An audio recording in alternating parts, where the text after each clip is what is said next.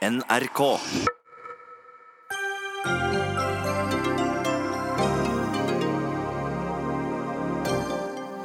Nettstedet Resett er klaget inn for Pressens faglige utvalg pga. ordbruken mot samfunnsdebattant Sumaya Jirde Ali.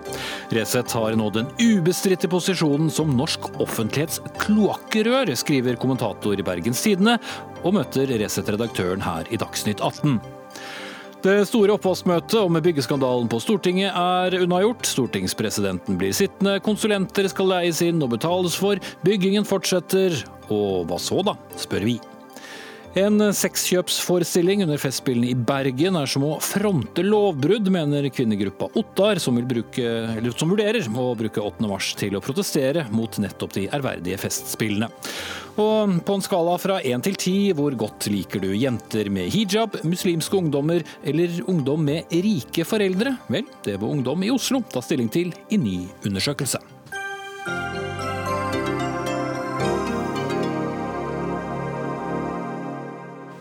Da sier vi god kveld og velkommen til Dagsnytt 18 med Espen Aas. Og først til spørsmålet om hvor mye en samfunnsdebattant skal måtte tåle i det offentlige ordskiftet.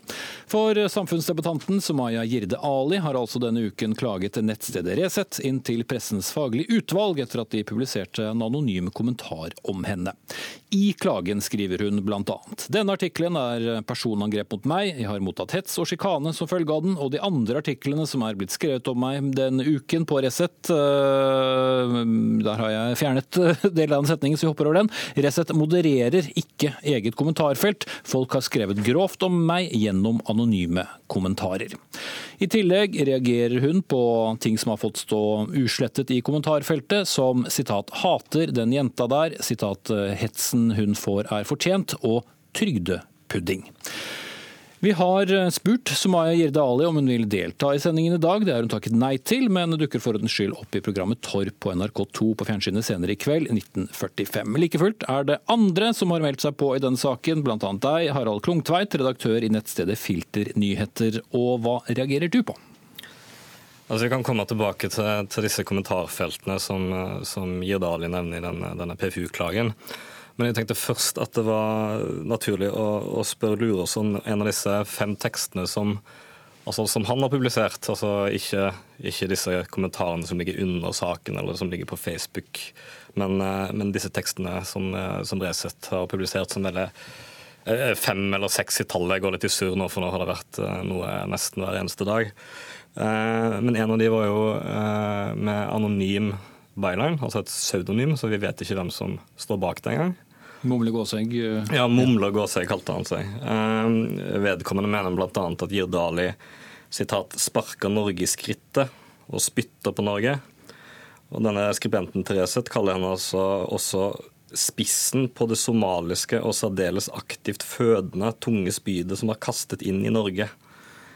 Eh, altså, hva, hva, hva, legger du i det? det er jo, altså, dette er ikke noe som har dukket opp i et kommentarfelt. Dette er en tekst du har tatt stilling til og publisert på nettstedet ditt.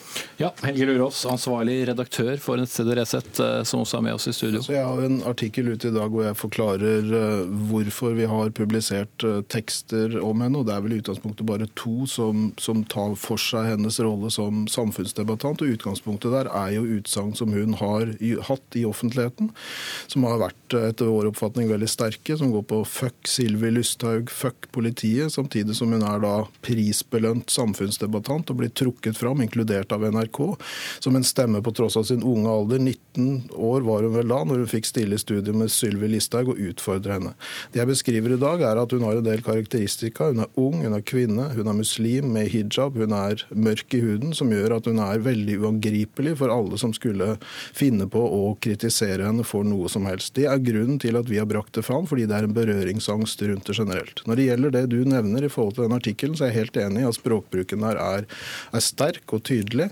Og absolutt ikke noe som vi sånn redaksjonelt står inne for. Det er en anonym skribent som har, som har publisert det hos oss, men det er nok uttrykk for noe nokså mange i Norge føler av frustrasjon når den type ting blir framsatt som er kritikk av at Norge er et diskriminerende land, at det er mange rasister i Norge, at man behandler innvandrerne dårlig, samtidig som jo samfunnet bruker store ressurser på dem. Så vi prøver jo å få fram et, et spekter av meninger i Norge som vi mener ikke blir tatt opp av de andre mediene. Dette var et eksempel på det. Men eh, du nevner jo da at Eh, hun fremstår som uangripelig. Eh, men mener du også at hun er mer angripelig pga. Eh, sin bakgrunn? Du skriver jo bl.a. også i dag at er, hun tilhører somaliere, som er en av de dyreste gruppene for Norge.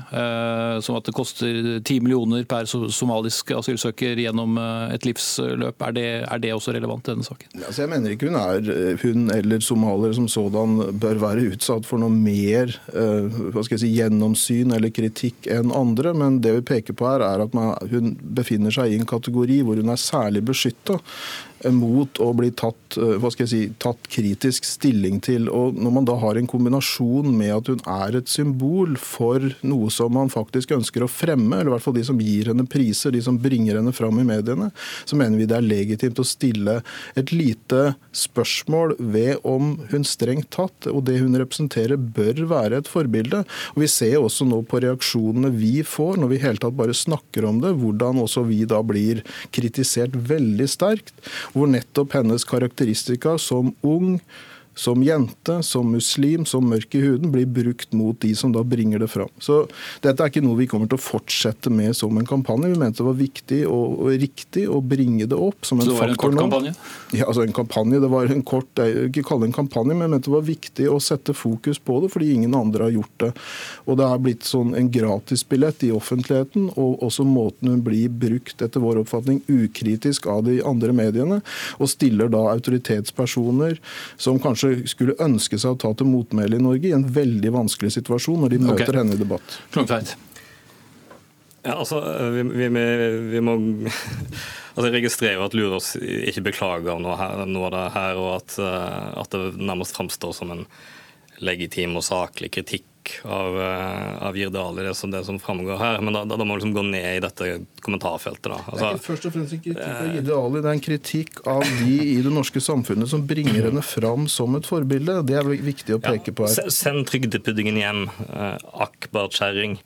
Hettemåke. Skrulle. Feit sugge overfòret på Nav-penger.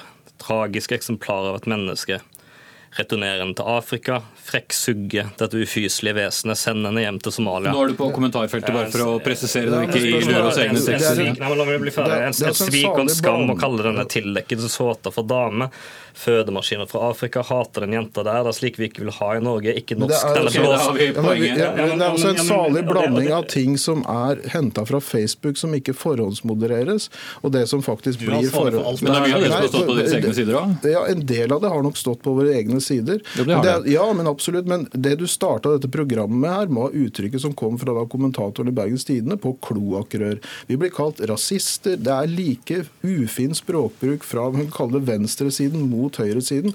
Og da i det samme øyeblikket som kritikken blir framlagt i forhold til de kommentarene som er. Jeg skulle absolutt ønske, ønske meg, og det tror jeg alle som deltar i offentlighet skulle ønske at språkbruken var bedre, inkludert av de som kommenterer på Resett i veldig mange tilfeller. Men spørsmålet er om man skal slette hele kommentarer pga. den type ord, som jeg mener er helt unødvendig, absolutt ufint. Men de som har drevet litt med moderering, og det er en grunn til at mange andre aviser har kutta det fullstendig ut, de vet hvor mye av den type type språkbruk det rent faktisk er. Men spørsmålet er om det likevel har en demokratisk hensikt å ha den type kommentarfelt. Mener du det har det? Jeg mener det har det, absolutt. Men jeg du... sier ikke at det ikke er dilemmaer, og at det ikke er av og til vurderinger som også våre moderatorer gjør feil. Dette er en vanskelig jobb. Vi får 15, over 1500 kommentarer inn om dagen på Resett. Det er en voldsom aktivitet. Vi har ikke altfor mye med ressurser. Det er ikke alltid at disse avgjørelsene i forhold til hva som slipper gjennom og ikke slipper gjennom, er riktige. Det skal jeg absolutt innrømme. Du trakk selv inn nå Morten Myksvold i Bergens Tidende. Eh, så det blir en litt sånn to mot én her, men det er du innforstått med at, det ble denne saken. Så vi tar inn deg nå, vi, Morten Myksvold. Og du har jo, eh, som det ble nevnt her, brukt for så vidt eh, sterke karakteristikker av, av hva Resett er. Hvorfor har du valgt å gjøre det? Altså, Journalistikk er vasstilførselen til et demokrati. Det er det som tilfører demokratiet store deler av meningen sin. det Resett står for, er å være kloakkrøret til, til, dette demokratiet. Det er veldig mange forferdelige utsagn som blir eh, brakt fram via dette nettstedet her. Det er veldig mange, masse hetsende kommentarer. Det, det er veldig rart å, å høre oss eh, måtte Eh, ikke stå for det som man har publisert, og, og likestille den hetsen mot Sumayirde Ali med eh, kritikk. Altså, Det jeg kom med i Bergens Tidende, er kritikk av eh, den kampanjen som, som Resett fører. Og da bruker du uttrykket kloakkrør. Eh, ja, OK, da. Eh, slå ring om henne, søl bensin og tenn faklene har stått på deres Facebook-side. Nei, det har det ikke gjort. Det er en fake news som er spredd både av Dagbladet og dere. Den er sannsynligvis henta fra en helt annen Facebook-statusoppdatering. Det er Sumaya Jirde Ali som har gjort det. det vi har gått gjennom grundig og sjekka både på resett.no og våre egne Facebook-sider. Den har ikke stått der. Det er jo et uttrykk Det lå i en av Resets Facebook-tråder, men har blitt fjerna. Nei, nei, nei, jo da, nei. det har han blitt. Det kan ikke dokumenteres. Vi har gått gjennom alle Facebook, og vi sletter ingenting. Vi lukker dem sånn at vi kan gjenfinne. Den er ikke henta fra vår Facebook-side i det hele tatt. Ok, La oss ikke bli sittende fast med, med hvert fall noe som ikke lenger er, er på uh, Facebook. Men uh, Myksvold, du er da en av de som har rykket ut med, med støtte til, til Ali. Er, tilhører hun også en, en gruppe som, eh, som, det er lett for uh, vanlige medier å, å, å, trykke til sitt bryst og, og vise frem, fordi uh, hun er en sterk stemme? Altså, det er ikke det er jo ingen som trykker til sin bryst sånn sett. Altså det Lurer skriver i dag, er at, eh, at etablerte medier skyver Sumaya de Ali framfor seg i en, i en kamp til den etablerte venstresida. Og, og sånn. Altså det, er en, det er en fin konspirasjonsteori, men det er jo helt vanvittig. Det en gjør, er å reagere på reinspikka hets, på trusler. Hun må gå med voldsalarm. Uh, og Resett begynner å sutre bare fordi de får motbør. Altså, vi har eh, skribenter på Resett selv som må gå med voldsalarm. Det er et uttrykk for den debatten vi har i Norge. Det måtte hun gjøre lenge før Resett skrev om dette.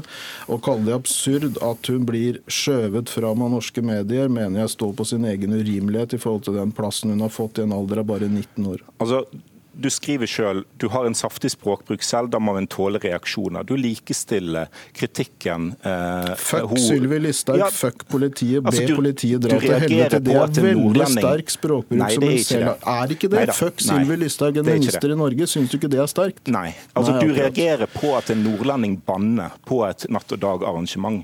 Det er det du gjør her. Du blir så triggered av en politisk ukorrekt uh, uttalelse at du springer til ditt eget publiseringsverktøy og sender ut uh, måtte, uh, blåse i hundefløyta di til kommentarfeltet ditt og starter denne kampanjen mot Sumaya Ali. Vi beskriver bare hva hun ja. har sagt og stiller spørsmålstegn ved om dette er et godt forbilde å ha fram og gi priser som Årets stemme, og Årets Bodøvern. Ja, jeg registrerer at, jeg registrerer at du mener mener det, men her må det være fullt mulig å være uenig om dette faktisk er et godt forbilde. Hun er raskt ute, hun og andre, med å kalle nordmenn rasister, fremmedfiendtlige osv. Det er mange nordmenn som reagerer på det, og det er kanskje noen av de som også uttrykker seg hos Resett. Okay. du, du eh, beskriver henne i dag som en islamist bare pga. måten hun ser ut. Og, og, så, og så, skriver du òg at Nei, det gjør jeg på ingen måte, men hijaben er gjerne et, er gjerne et uttrykk for Nei, Jo, det er det absolutt. I tillegg, så er det, i, i tillegg ja, absolutt, det er jo muslimer som bruker hijamet i Norge. Men er det samme som islamist? Det er også et uttrykk for kvinneundertrykkende holdninger som vi heller ikke representerer her i Norge. Men jeg registrerer at du syns hun er et godt forbilde, inkludert med språkbruken 'fuck Sylvi Listhaug' og 'fuck politiet'. Det er det vi legger, det er det vi, fokuserer, det er det vi fokuserer på. Det mener jeg er helt legitimt at vi gjør på Resett. Og jeg registrerer at ingen andre medier heller griper tak i det på den måten vi gjør. Det du, Okay, skal vi slippe til, uh, til Harald Klungtveit på, på, siden her igjen. For, Det er et perspektiv som forsvinner litt her. Altså, altså Jeg bryr meg ikke om hva Lurås måtte mene om, om uh, Jirdalis politiske ståsted, eller om han syns hun er litt for frekk eller litt for framfusen med, med landets justisminister. Altså, det jeg bryr meg om, er hva en voksen mann som kaller seg redaktør, kan finne på å utsette et menneske for i Norge i 2018, og hva som er konsekvensen av det her.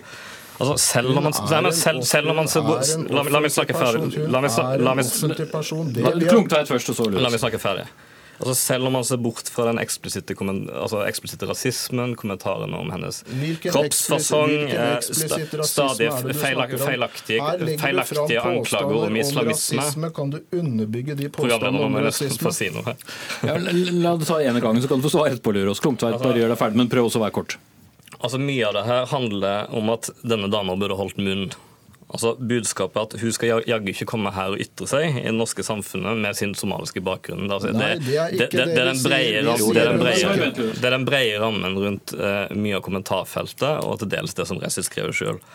Og når noen gang på gang på gang får høre at de er en form for annenrangs borgere og, og få dette supplert med trusler og sjikane rett i innboksen. Selvfølgelig får det en effekt. Nå tror jeg ikke Sumaya Jirde Ali lar seg knekke, men tenk på disse altså andre 17-18-19-åringer altså med innvandrerbakgrunn som nå sitter og får med seg det her.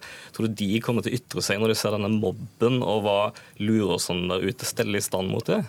Ok, Løs, Hva er poenget da med det denne handler, serien som du var i ferd med å kalle en slags kampanje? Ja, altså det, det, det, handler ikke om å hindre Sumaya Jirde Ali og andre med lignende synspunkter å uttrykke seg. Dette er først og fremst en kritikk av de mediene og den offentligheten og de segmentene av norsk offentlighet som bringer henne fram, og lignende personer med lignende holdninger fram som forbilder, og hyller dem som representanter for noe man ønsker mer av. Dette hun og andre har full rett, og skal ha full rett til å ytre seg. Så det er viktig at man er presis her, Klungtveit, når man også beskriver beskrive hva man tror man ser. Så utelukkende mediekritikk fra Offentlig, kritikk av offentligheten, kritikk av det politiske landskap, kritikk av mediene. For det som er saken her, er som vi påpeker i artikkelen i dag, er at det er veldig vanskelig for motdebattanter å i hele tatt ta til motmæle når man fremmer den type personer som har de karakteristikkene. Ung, kvinne, muslim med hijab og farged.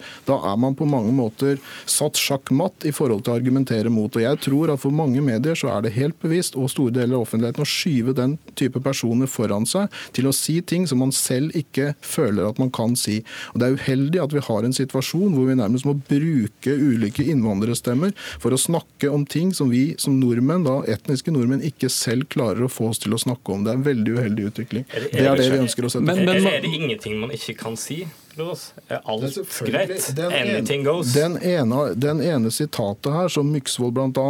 har, slår ring om henne, søl bensin og tenn faklene, som, men... som, ikke er hentet fra, og som påstås ja, det det, det det er en kriminell det skulle absolutt ønske at i kommentarfeltene våre så man, uttrykte man seg på en annen måte, på samme måten som Myksvold og andre ikke trenger å bruke ord som kloakkrør, og heller ikke Klungtveit trenger å beskylde folk for rasisme uten å kunne begrunne det. Ok, Vi slipper til Morten Myksvold fra det etablerte mediet Bergens Tidende til slutt. Ja, altså Premisset for, for kritikken til, til Lurås er at dette er en ung kvinne, hun er ikke ei jente, hun er kvinne, som ikke har frykt eller ærefrykt i møte med norske autoritetspersoner.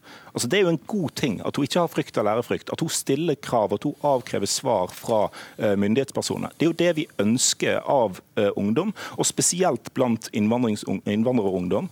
Uh, for å få fram nye stemmer, for å belyse nye temaer. Det er dette lyset Resett har lyst til å, å, slukke, ved å gå så til angrep mot henne. Og så er det karakteristikkene med Sumaya Girde Ali som får Resett til å angripe. Hun er ung, hun er kvinne, hun er muslim, hun går med hijab, hun er mørk i huden.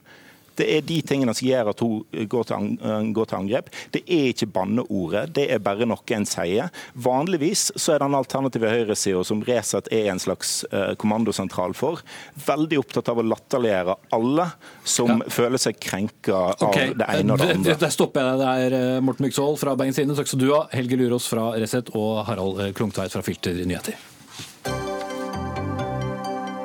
Dagsnytt 18 alle hverdager kl 18.00 på NRK P2 og NRK2.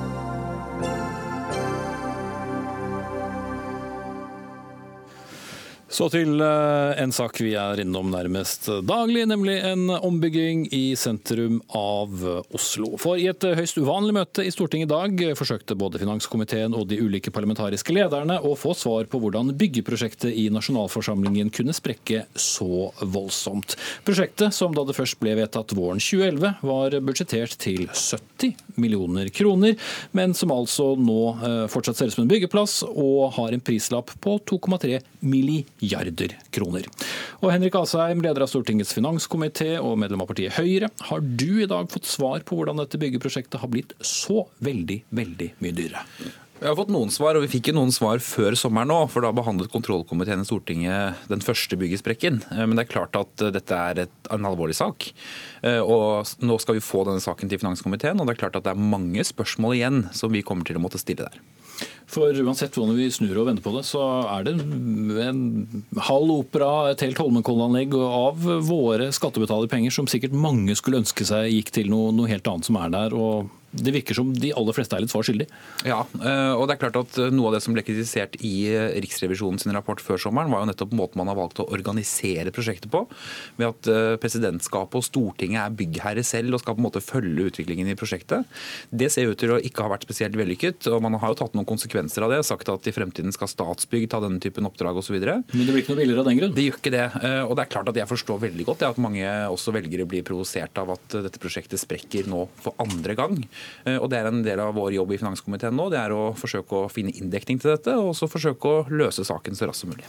Du var innom eh, Riksrevisjonen. Eh, allerede i fjor sommer kom de altså med kraftig kritikk av presidentskapet, og skrev bl.a.: Revisjonen legger til grunn at presidentskapet skal gi korrekt og rett informasjon til Stortinget i plenum og underrette om forhold av betydning. Hva er det tilfellet her? Ja, altså Presidenten orienterte jo Stortinget 20.12., eh, hvor man slo fast at rammene som da var på 1,8 milliarder skulle holde. Så ser vi nå at det stemmer ikke, det er en halv milliard ekstra. Så ser vi samtidig at direktøren for Stortinget, som nå har gått av, har eh, sagt at eh, informasjonen til presidentskapet ikke var god nok, og at de ikke fikk beskjed om at dette kom til å sprekke. Så det er klart det er en formildende omstendighet. men åpenbart så er kontrollen på dette prosjektet ikke god nok. Og det kan også få en konsekvens for regningen til slutt. Mm. Rigmor Aasrud, finanspolitisk statsperson i Arbeiderpartiet. Hva sitter du igjen med etter møtet med presidentskapet i dag? mange nye spørsmål og en stor overraskelse over at man ikke har hatt tettere oppfølging av prosjektet, særlig siden den ramsalte kritikken som var i Stortinget i juni. Et så alvorlig byggeprosjekt med en så alvorlig kritikk da i, i juni, så uh, hører vi at man ikke har blitt informert. Uh, jeg hadde jo da tenkt at man var ganske foroverlent i å innhente informasjon. Og særlig er det vanskelig å forstå det som har skjedd fra jul og fram til nå, der et prosjekt har blitt 500 millioner kroner dyrere utenom at vi kan finne noe spor av forklaring på det.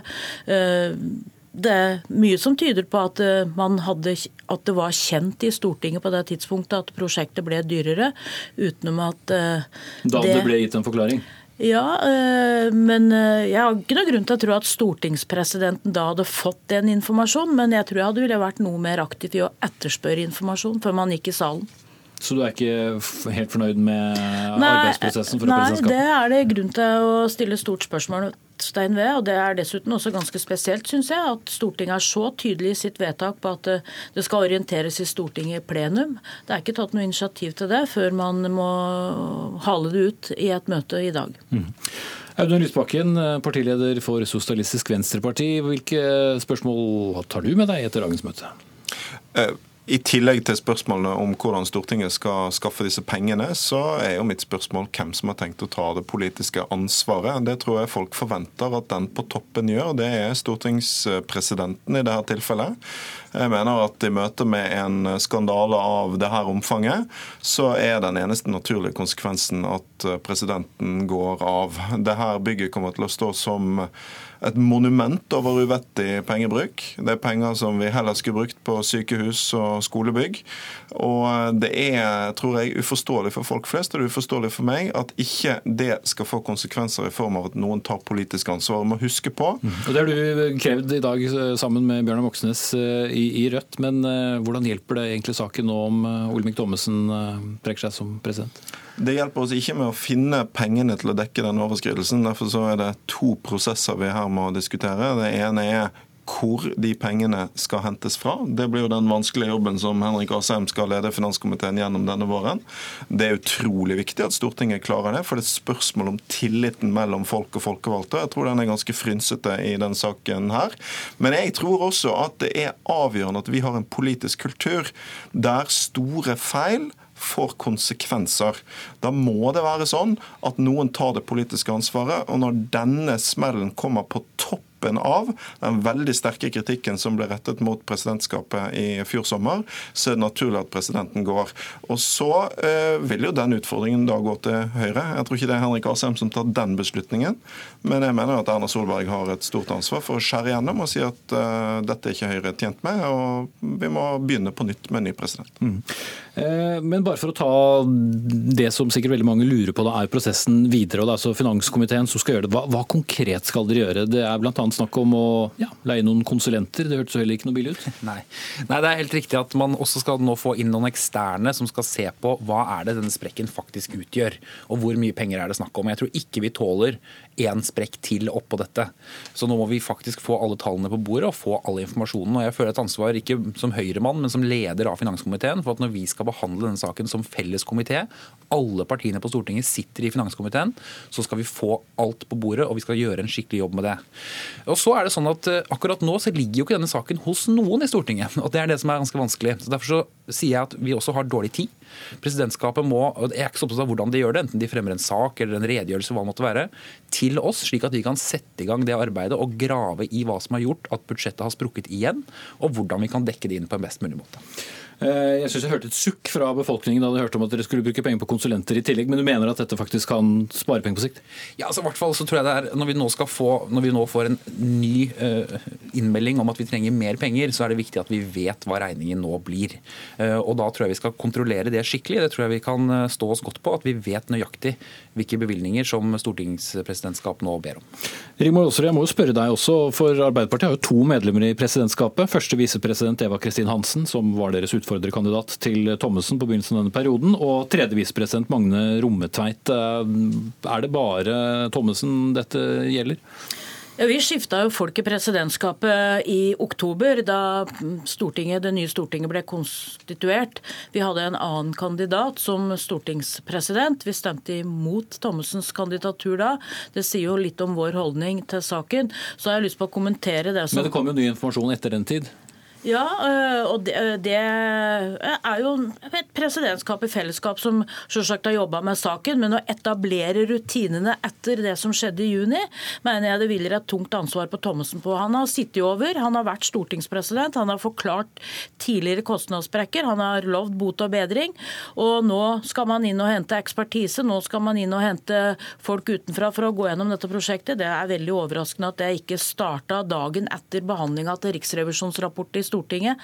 Og jeg må si, når vi spør i møtet i dag om det er satt i gang nye kontroll kontrolltiltak etter juni, så er det ikke noe svar på det. det man har venta på å få rapporter fra administrasjonen uten å ha vært mer pro proaktiv. Det syns jeg er ganske overraskende. Mm. Lysbakken. Så det er jo riktig at presidentskapet er et kollektiv, og den kritikken som Stortinget fremmet i fjor, var jo mot eh, presidentskapet som sådan. Eh, men det er viktig å understreke at dette er ikke et spørsmål om personlig skyld. Det er ikke sånn at Olemic Thommessen har eh, skylden for hele denne situasjonen. Men det er snakk om hvem som har det politiske ansvaret. Og i en skandale av denne dimensjonen så må det politiske ansvaret tas. Så er jo en av de tingene jeg mener det må graves videre i nå, det er oppfølgingen av de påleggene som da presidentskapet og eh, presidenten fikk etter Stortingets behandling i fjor om mer kontroll og nye rutiner. For Det viste seg jo i dag altså at informasjonen om budsjettsprekk har vært på Stortinget i veldig lang tid uten at den informasjonen kom til presidenten.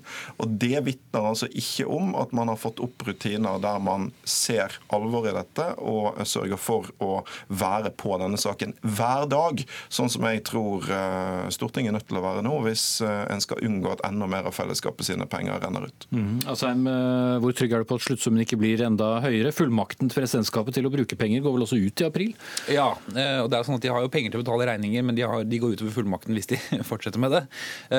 Jeg håper virkelig at vi nå er på slutten av dette. og Prosjektet skal være ferdig i oktober i år eh, og skal begynne tas i bruk fra januar neste år. Så, så, jeg håper intenst også på vegne av skattebetalerne at nå er det nok. Men jeg tror det er veldig viktig at vi får de tallene på bordet. Og når du spør hvor sikker er jeg på det, vel, jeg tror dette prosjektet har lært oss at det kan vi ikke helt være. Og derfor må vi få disse skikkelig ordentlige tallene på bordet. Og da kan du godt si skal vi bruke enda flere konsulenter? Vel, jeg tror at noen kommer utenfra og ser på dette nå og gir oss et reelt og riktig tall. Det er veldig viktig. Da takker jeg dere av, og minner om at kvadratmeterprisen nå vel har forbigått 300 000 på påpussingen. Takk skal dere ha.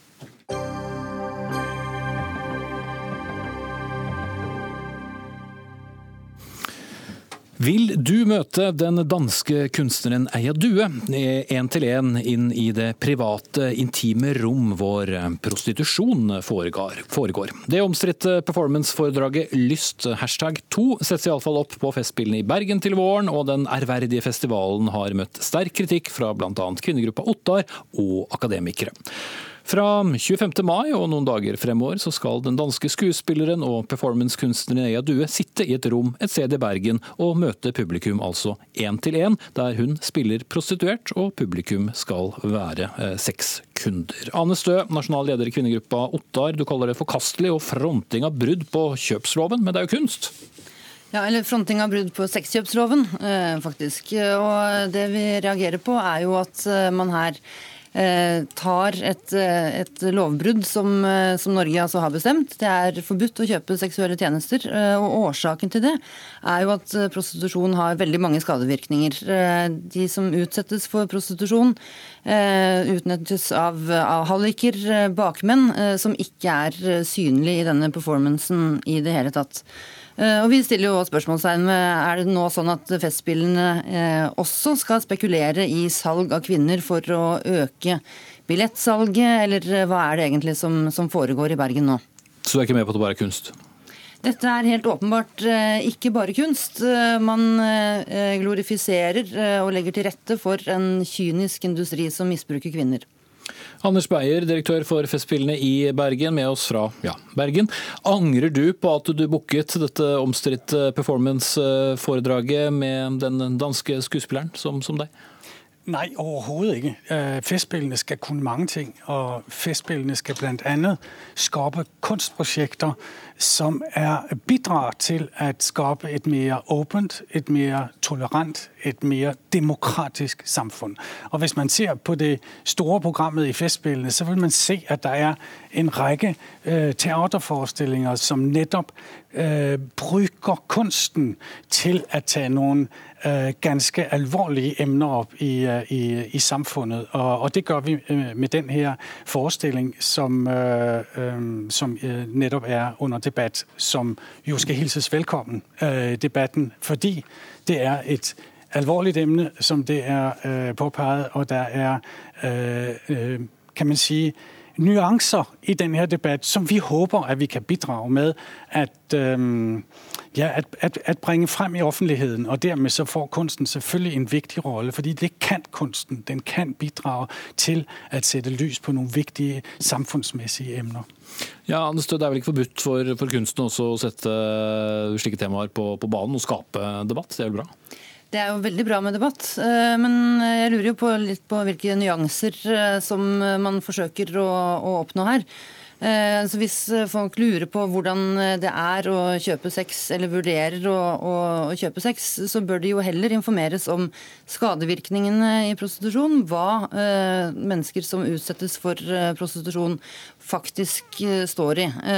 I stedet for å ja, lage en, en hyggelig set, altså nå, Jeg har jo selvfølgelig ikke sett dette performancet. Det er jo ingen som, som, som, som, Anders Beyer, hva, hva, vil dere skal komme ut av det? Hva, hva, hva kunne jeg som som da en ja. Eh, deltaker på Festspillene få ut av dette? Ja, uh, Veldig godt spørsmål. Uh, uh, det vi er vidner til her, det er ikke alene en, en, fin debatt, men det er også det vi kaller foranmeldelsen. Dvs. Si at der er personer eller grupperinger som anmelder en kunstforestilling innen den har funnet sted, fordi man mener at man vet hva der kommer til å ske.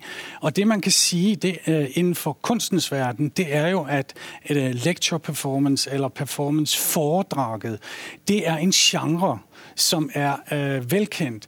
Og Nå skal jeg ikke gå inn i øh, for dypt hva man kommer til å se eller oppleve her, men jeg vet jo, jeg har selv opplevd den, at, at her blir der fremvist en forskning Øh, der blir fremvist forskjellige posisjoner uh, i, i hele det her veldig komplekse spekter av synspunkter for og imot. Og der kan man måske bli beriget med noen synspunkter i teaterets format som gjør at, at, at man rent faktisk kommer til å oppleve måske noe som Øh, understøtter det som Ottar-gruppen sier, eller måske gjør den enda mer nyansert, så man går fra den her forestilling, og måske finner anledning til og selv å reflektere over det her, som jo er et, øh, et stort øh, emne og voldsomt og på mange måter kritisabelt. Og derfor er Festspillene jo heller ikke på noen som helst måte ønsker å fronte øh, ulovligheter i samfunnet. Det er jo bare, det er jo bare helt, helt ute i skogen. Ble du beroliget, Anestø?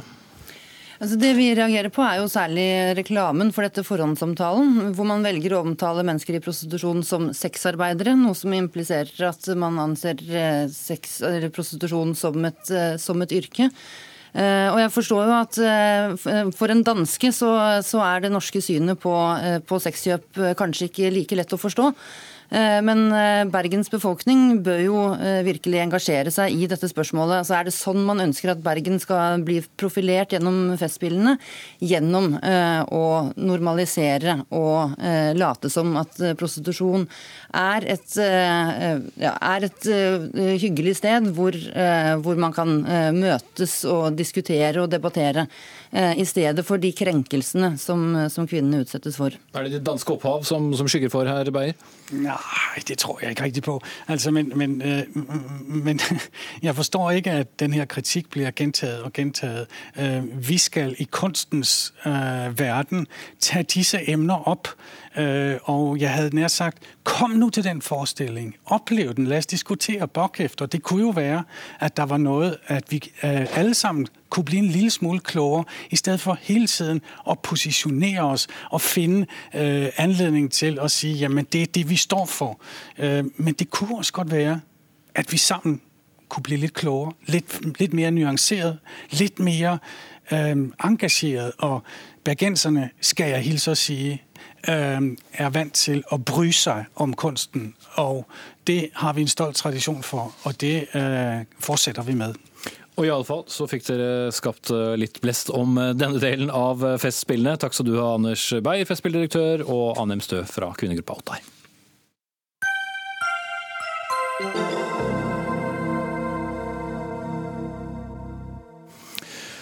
Da skal vi forsvinne ned eh, under eh, vann en liten eh, stund her i Dagsnytt 18. Fiskehelsa er aldeles ikke bra nok. Ja, det sa fiskeriminister Per Sandberg til Nasjonen i dag. Avisen har i flere saker belyst de store problemene som er i nettopp fiskenæringen. Tidligere i år kom Fiskehelserapporten, som slår fast at skadevirkningene som følge av lakselus er som i tidligere år, den største utfordringen for fiskehelsesituasjonen i Norge 2017. Og Halvor Hekton, avdelingsdirektør eh, for fiskehelse ved Veterinærinstituttet. I samme rapport kommer det altså frem at rundt 50 millioner fisk dør hvert år, altså om lag 15-20% av fisken. Hvorfor så mange? Jo, det er jo Som du sier, så er det delvis eh, noen sykdommer som du sliter med. Og så har vi det store problemet rundt eh, lakselus.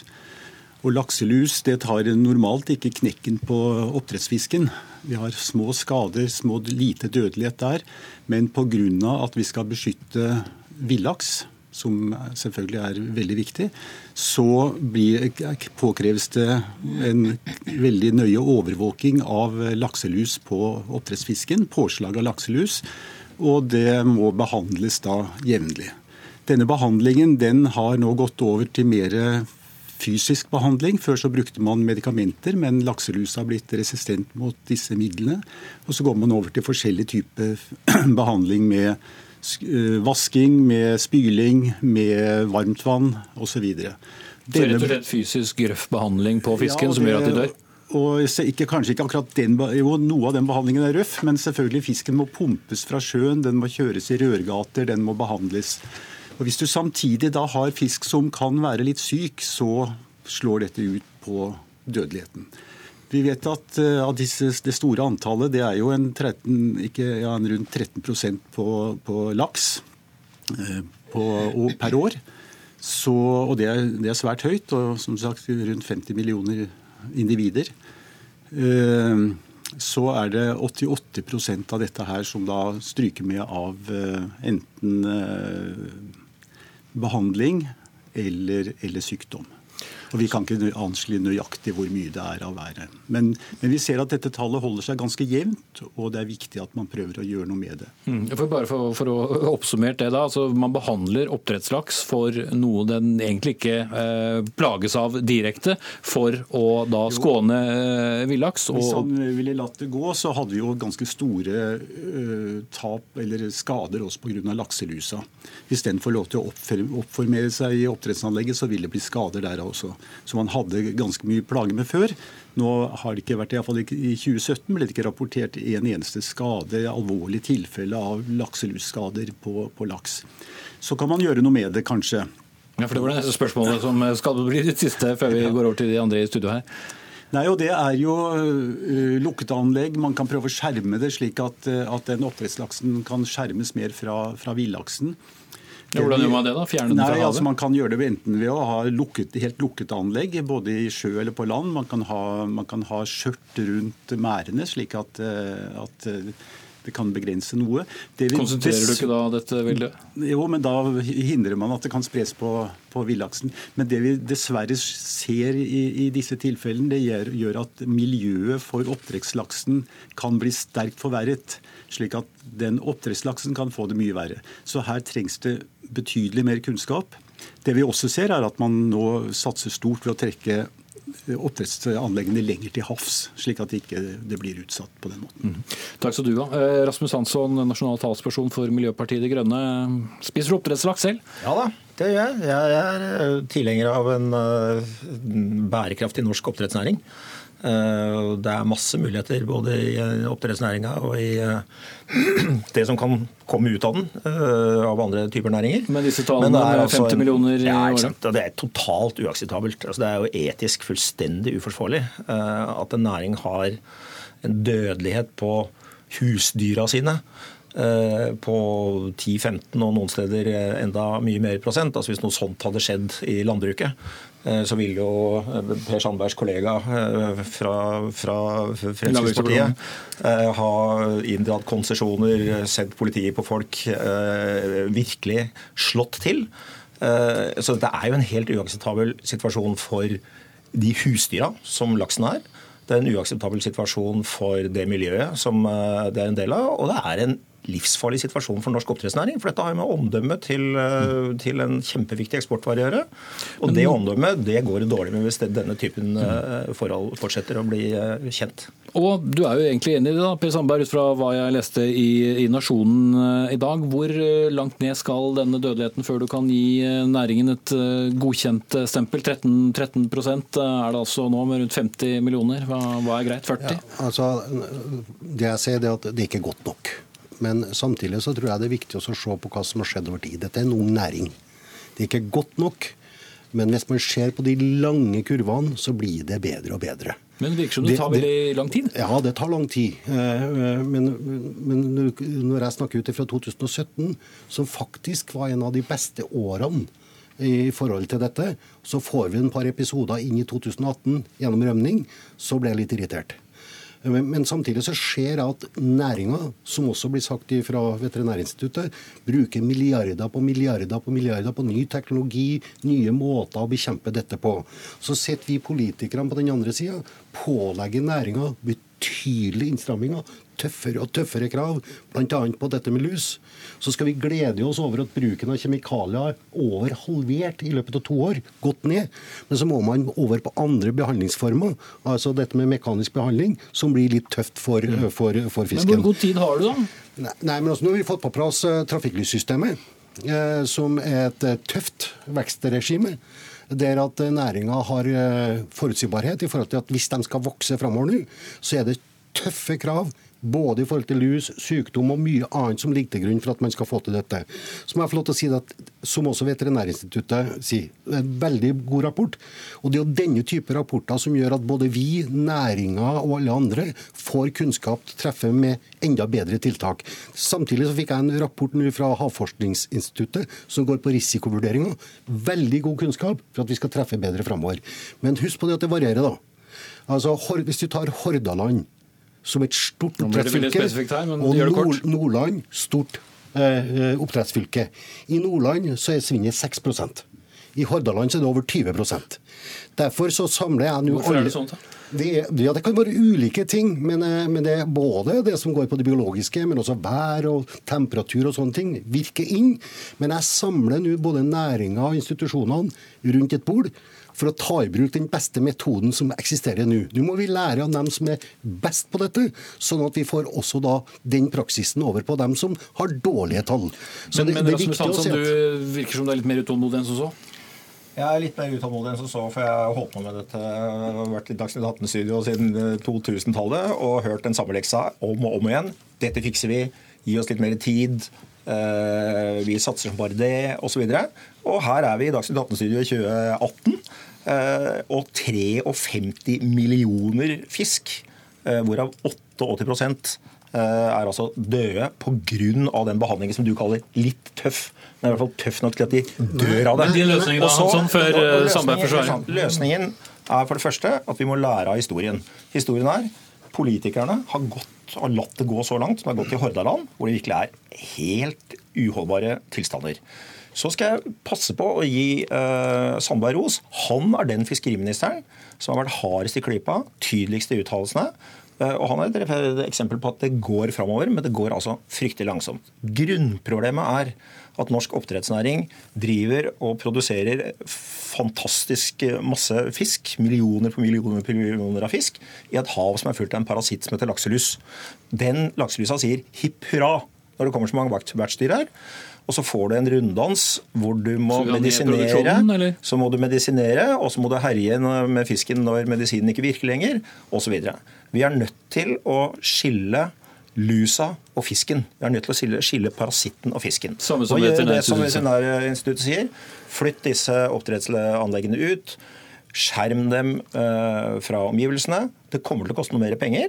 eh, Men denne oppdrettsnæringa serieproduserer millionærer av milliardærer. Så om det går litt saktere, er ikke så farlig. Man bruker mer penger på å løse helseproblemene og miljøproblemene. Det går an. Men da trenger vi politikere som er tøffere enn til og med Per Sandberg. Har du ikke tenkt denne tanken, tøffe Sandberg? Jo, men, jo, men altså, det jo der eh, altså, Jeg setter jo, ros på, eller setter jo pris på å få litt ros av Rasmus her, men altså, han må følge med litt i timen. I løpet av de to siste årene så har vi fått på plass noe som heter for utviklingskonsesjoner. Der kommer lukka anlegg. Eh, Jeg gir konsesjoner, altså gir risikoavlastning, både til små og store. For med din politikk Rasmus, så vil det bare bli de store igjen, for det koster kapital. Dette er jo de små familieeide bedriftene som driver med oppdrett, og som kanskje er best i dag. De vil lide under dette og vil måtte gå konkurs eller bli oppkjøpt av de store. Men i 2016 så ga jeg konsesjon på vederlagsfri oppdrett på land. Det er gratis å etablere seg på land nå. Nå ser vi det at eh, det gir resultater gjennom at dødeligheten i den første tida du setter fisken ut i, ut i havet, er halvert. Og det er bra. Men så har vi flytta dødeligheten, og det er større dødelighet hvis større og større fisken blir. Men det å ha oppdrett på land, og hvis vi får settefisken opp på ett kilo Rasmus på land, som er målet, da vil det også redusere tida i havet fra kanskje 18 til 12 måneder. Det er jo sånne ting vi gjør. Og med de utviklingskonsesjonene som kommer nå, så kommer det lukka anlegg. Det kommer anlegg langt ut i havet. Men da må vi også ha arealer til det. Så det skjer en hel masse ting her. Og så tror jeg også at det er riktig. Som, eh, og det er jeg glad for at vi politikerne er enige om at dette er matproduksjon. Og dette er den matproduksjonen som tross alt gir minst miljøfotavtrykk. Gir minst klimafotavtrykk. Og derfor så er det viktig- Vi snakker altså om en vanvittig høy dødelighet i det som er Norges største husdyrnæring. Så spørsmålet til, til deg, eh, som sier det samme som alle andre politikere har sagt de siste 20 åra, nemlig at eh, dette fikser vi, og det går så fint, det er når skal dødeligheten i uh, oppdrettsnæringa være nede i 5 Når skal det skje? Ja, men du vet at, eh, det vet du også av din erfaring, at eh, politikere som opererer med målsettinger på tall de Så det tør du ikke? Nei, nei, men altså vi, har- Det gjør politikere stadig vekk. Vi, vi, har, vi, vi har operatører i dag som nesten har null dødelighet. Vi har noen som har 3 Jo, det- men det sa du for så vidt i stad òg, men- Og derfor er det sånn. Når skal det ned i fem? Sånn. Og så- og- og vi kan gjerne sette- på det, vi for jeg vil kan- gjerne vi kan ha inn, sette en Hekton på slutt her også. målsetting om 5% 10% 15 ikke min, min, min målsetting er det at hvis du skal ha vekst framover For hvis du ikke greier å ta eh, dette på alvor nå, så får du nedtrekk i 2019. Da må du ta ned produksjonen din med 6 og det, Derfor er det jo så viktig å merke seg selv om at man har et eh, forutsigbart vekstsystem, så har vi kontrollsystemer gjennom disse rapportene vi får. Vi har Mattilsynet som kan gå inn og brakklegge eh, dette hvis vi ser at det er urovekkende. Men har du ikke noe mål for hvordan Ok, Før vi forsvinner langt inn i alle disse spesifikke ordningene her nå, mine herrer, så har jeg lyst til å avslutte med å la Halvor Hekton fra Veterinærinstituttet oppsummere. Jeg vil jo Norge har vært verdensmestere på å utrydde sykdommer på husdyr. Vi har kvittet oss med tuberkulose, brucellose. Siste var en smittsom virusdiaré. Klarer oppdrettsnæringen, næringen, myndigheter og forskning gå sammen om å lage en langsiktig strategi for å, for å ja, til og med utrydde sykdommer? Og Det tror jeg faktisk Norge kan klare, for vi har den kompetansen i Norge, og vi har vært verdensmestere på det. Næringen har vært fantastisk. Det brukes nesten ikke antibiotika. Og det er både husdyrnæringen det veldig lite, og i oppdrettsnæringen svært lite. Så dette klarer vi hvis oppdrettsnæringen Men nå er hvis det det større spørsmålet, da. Hva, hva Nei, det må, det så, der tror jeg man kan lære litt av husdyrnæringen, fordi at de, der, der er det faktisk næringen selv som går foran, ber om støtte fra myndighetene og, og klarer å, å, å, jobbe felles. Og jeg tror de lave dødelighetstallene i, i Nordland går at man har laget faktisk nettverk hvor det også de store selskapene går sammen om samarbeid om lusebehandling. Behandler når det er veldig lite lus, og det viser at da blir det langt mindre behov for behandling enn man gjør hvis man jobber hver for seg, i et, eh, i, i, sånn som man kanskje ser det i andre områder. Og med de positive utsiktene sett fra ditt ståsted, så sier vi takk til Halvor Hekton, avdelingsdirektør ved Veterinærinstituttet, Per Sandberg, fiskeriminister, og Rasmus Hansson fra Miljøpartiet De Grønne. Hør Dagsnytt 18 når du vil. Radio NRK NO.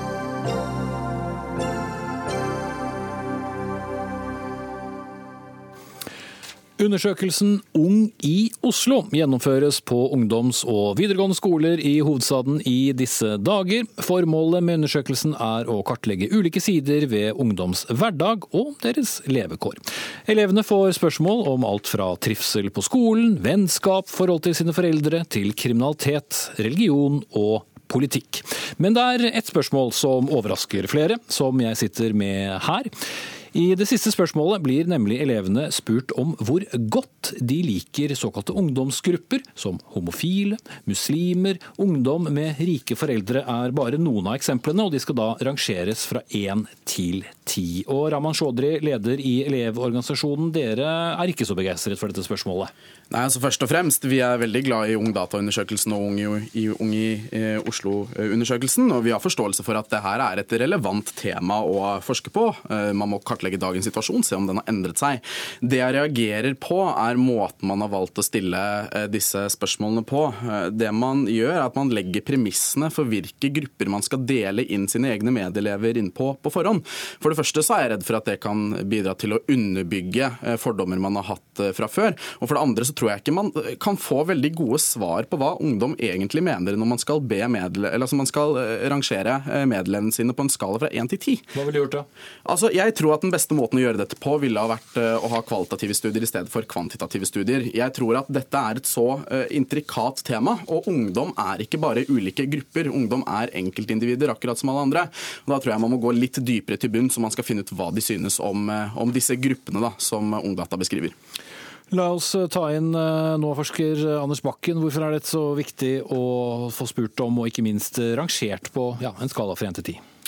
Ja, det er ikke sånn at Vi rangerer de ulike gruppene, men vi ber uh, ungdom altså om å gi uh, poeng på en skala fra 1 til 10 på veldig mange ulike grupper. Uh, gruppene, du nevnte noen grupper. Vi, vi, spør også hvordan ungdom liker ungdom som bruker på skolen, ungdom som driver med idrett, ungdom som er opptatt av utseendet sitt. Vestkantungdom, østkantungdom, ungdom som bråker, ungdommer som er vegetarianere og ja. ja. Det er 18 ulike grupper som vi, har, som vi, har, listet opp. og Det som er poenget med den delen av undersøkelsen, det er å prøve å få et bedre grep om det ungdomskulturelle landskapet. Så Det vi ønsker å gjøre med, den, med disse dataene, når vi, får, når vi blir ferdig med datainnsamlingen, det er å se om det er noen knipper av holdninger til ulike ungdomsgrupper som henger sammen, og som kan danne ulike dimensjoner i ungdomskulturene. Vi tror det er ganske viktig å fange opp, for det er, viktig å fange opp uh, ungdomskulturer. Ungdomskulturer er ofte en veldig viktig drivkraft i uh, utviklingen. Og, og, og, det vi kommer til å gjøre, er å se om disse ulike knippene av ungdomskulturelle holdninger om det henger også sammen med ulike bakgrunnsfaktorer, med ulike forhold i ungdomsliv, som f.eks. om de driver med kriminalitet, eller om de driver med ulike typer fritidsaktiviteter osv. Men hvis snittet da på poenggivning på jenter som bruker hijab er seks, ungdom med rike foreldre er fire, hva så?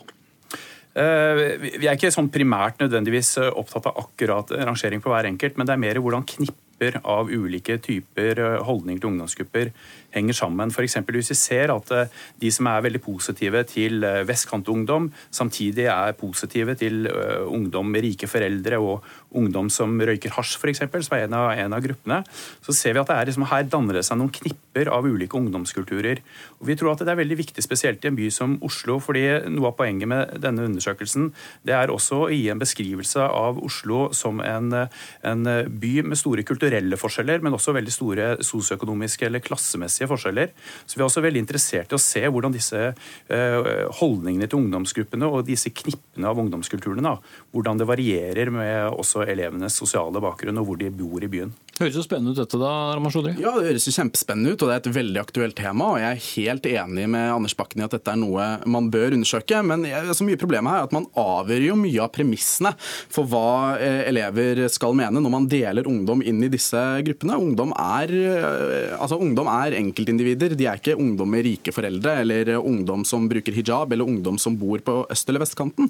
Man spør om man liker eller ikke liker noen med hijab fordi de bruker hijab. Eh, for eksempel da, synes syns jeg er relativt tilbåsettende. Så det jeg lurer på, da, det er hvordan kan man vite at man eh, ikke liker noen som eh, røyker hasj iblant fordi de røyker hasj iblant, og er en kvantitativ spørreundersøkelse hvor man skal rate medelevene sine fra 1 til 10 den beste måten å gjøre det på.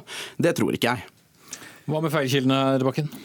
Eh, det er åpenbart det er alltid feilkilder i eh, surveyundersøkelser. Og jeg er også veldig enig med Chaudhry i at eh, det å gjøre kvalitative studier av ungdomskulturer er viktig. Men jeg tror også det er viktig å prøve og på et eller annet vis prøve å fange opp også dette i en kvantitativ undersøkelse. Vi må huske på at denne undersøkelsen her er rundt 6 20 000 ungdommer som kommer til å være med på denne undersøkelsen samlet sett når den er ferdig. Og det gir et helt annet bilde enn hvis man skal gjøre kvalitative studier av, av noen færre. da. Så du forsvarer eh, undersøkelsen sånn nei, du mener den er riktig? Eh, det, det vet vi ikke helt 100% for vi, ikke, vi har ikke samlet inn alle dataene. og Det er veldig viktig. Vi har ikke analysert på disse dataene. og Det er først når vi har samlet inn og analysert på disse dataene, om vi vil se om dette vil kunne fungere. Chaudhry, eh, er det så farlig, da? Det, vil, vil, det ha noe å si om en i hvert fall har forsøkt å kartlegge det, og så kan eh, for så vidt eh, konklusjonen være at OK? Altså, jeg skal ikke spekulere det. Det er ikke jeg som er skoleforskeren, det er det, det, er det Anders Bakken og, og, teamet ved NOVA som er.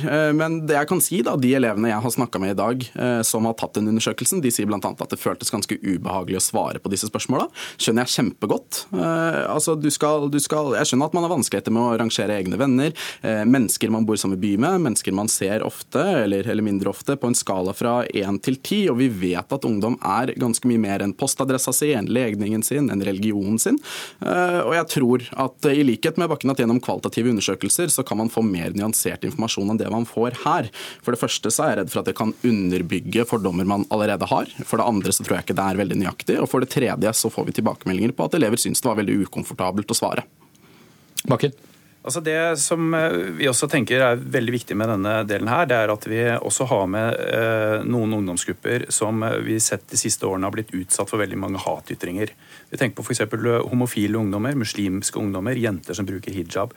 Dette er grupper som vi har tatt med bevisst nettopp for å prøve å fange opp om det er sånn at ungdom i Oslo støtter opp om på en måte det, det litt sånn negative imaget en del av disse gruppene har fått gjennom, eh, på mange sosiale medier, eller om nettopp ungdom i Oslo tvert imot er motstemmer og nettopp er, støtter opp om disse, disse, ungdomsgruppene i stor grad. Det blir spennende å høre på resultatet, og også om vi eh, ikke skal si takk for nå, rett og slett. Takk skal du ha, Anders Bakken og Raman Chaudhry. Ansvarlig for sendingen Dag Dørum, Hans Olav Humlvold og i studio Espen Aas.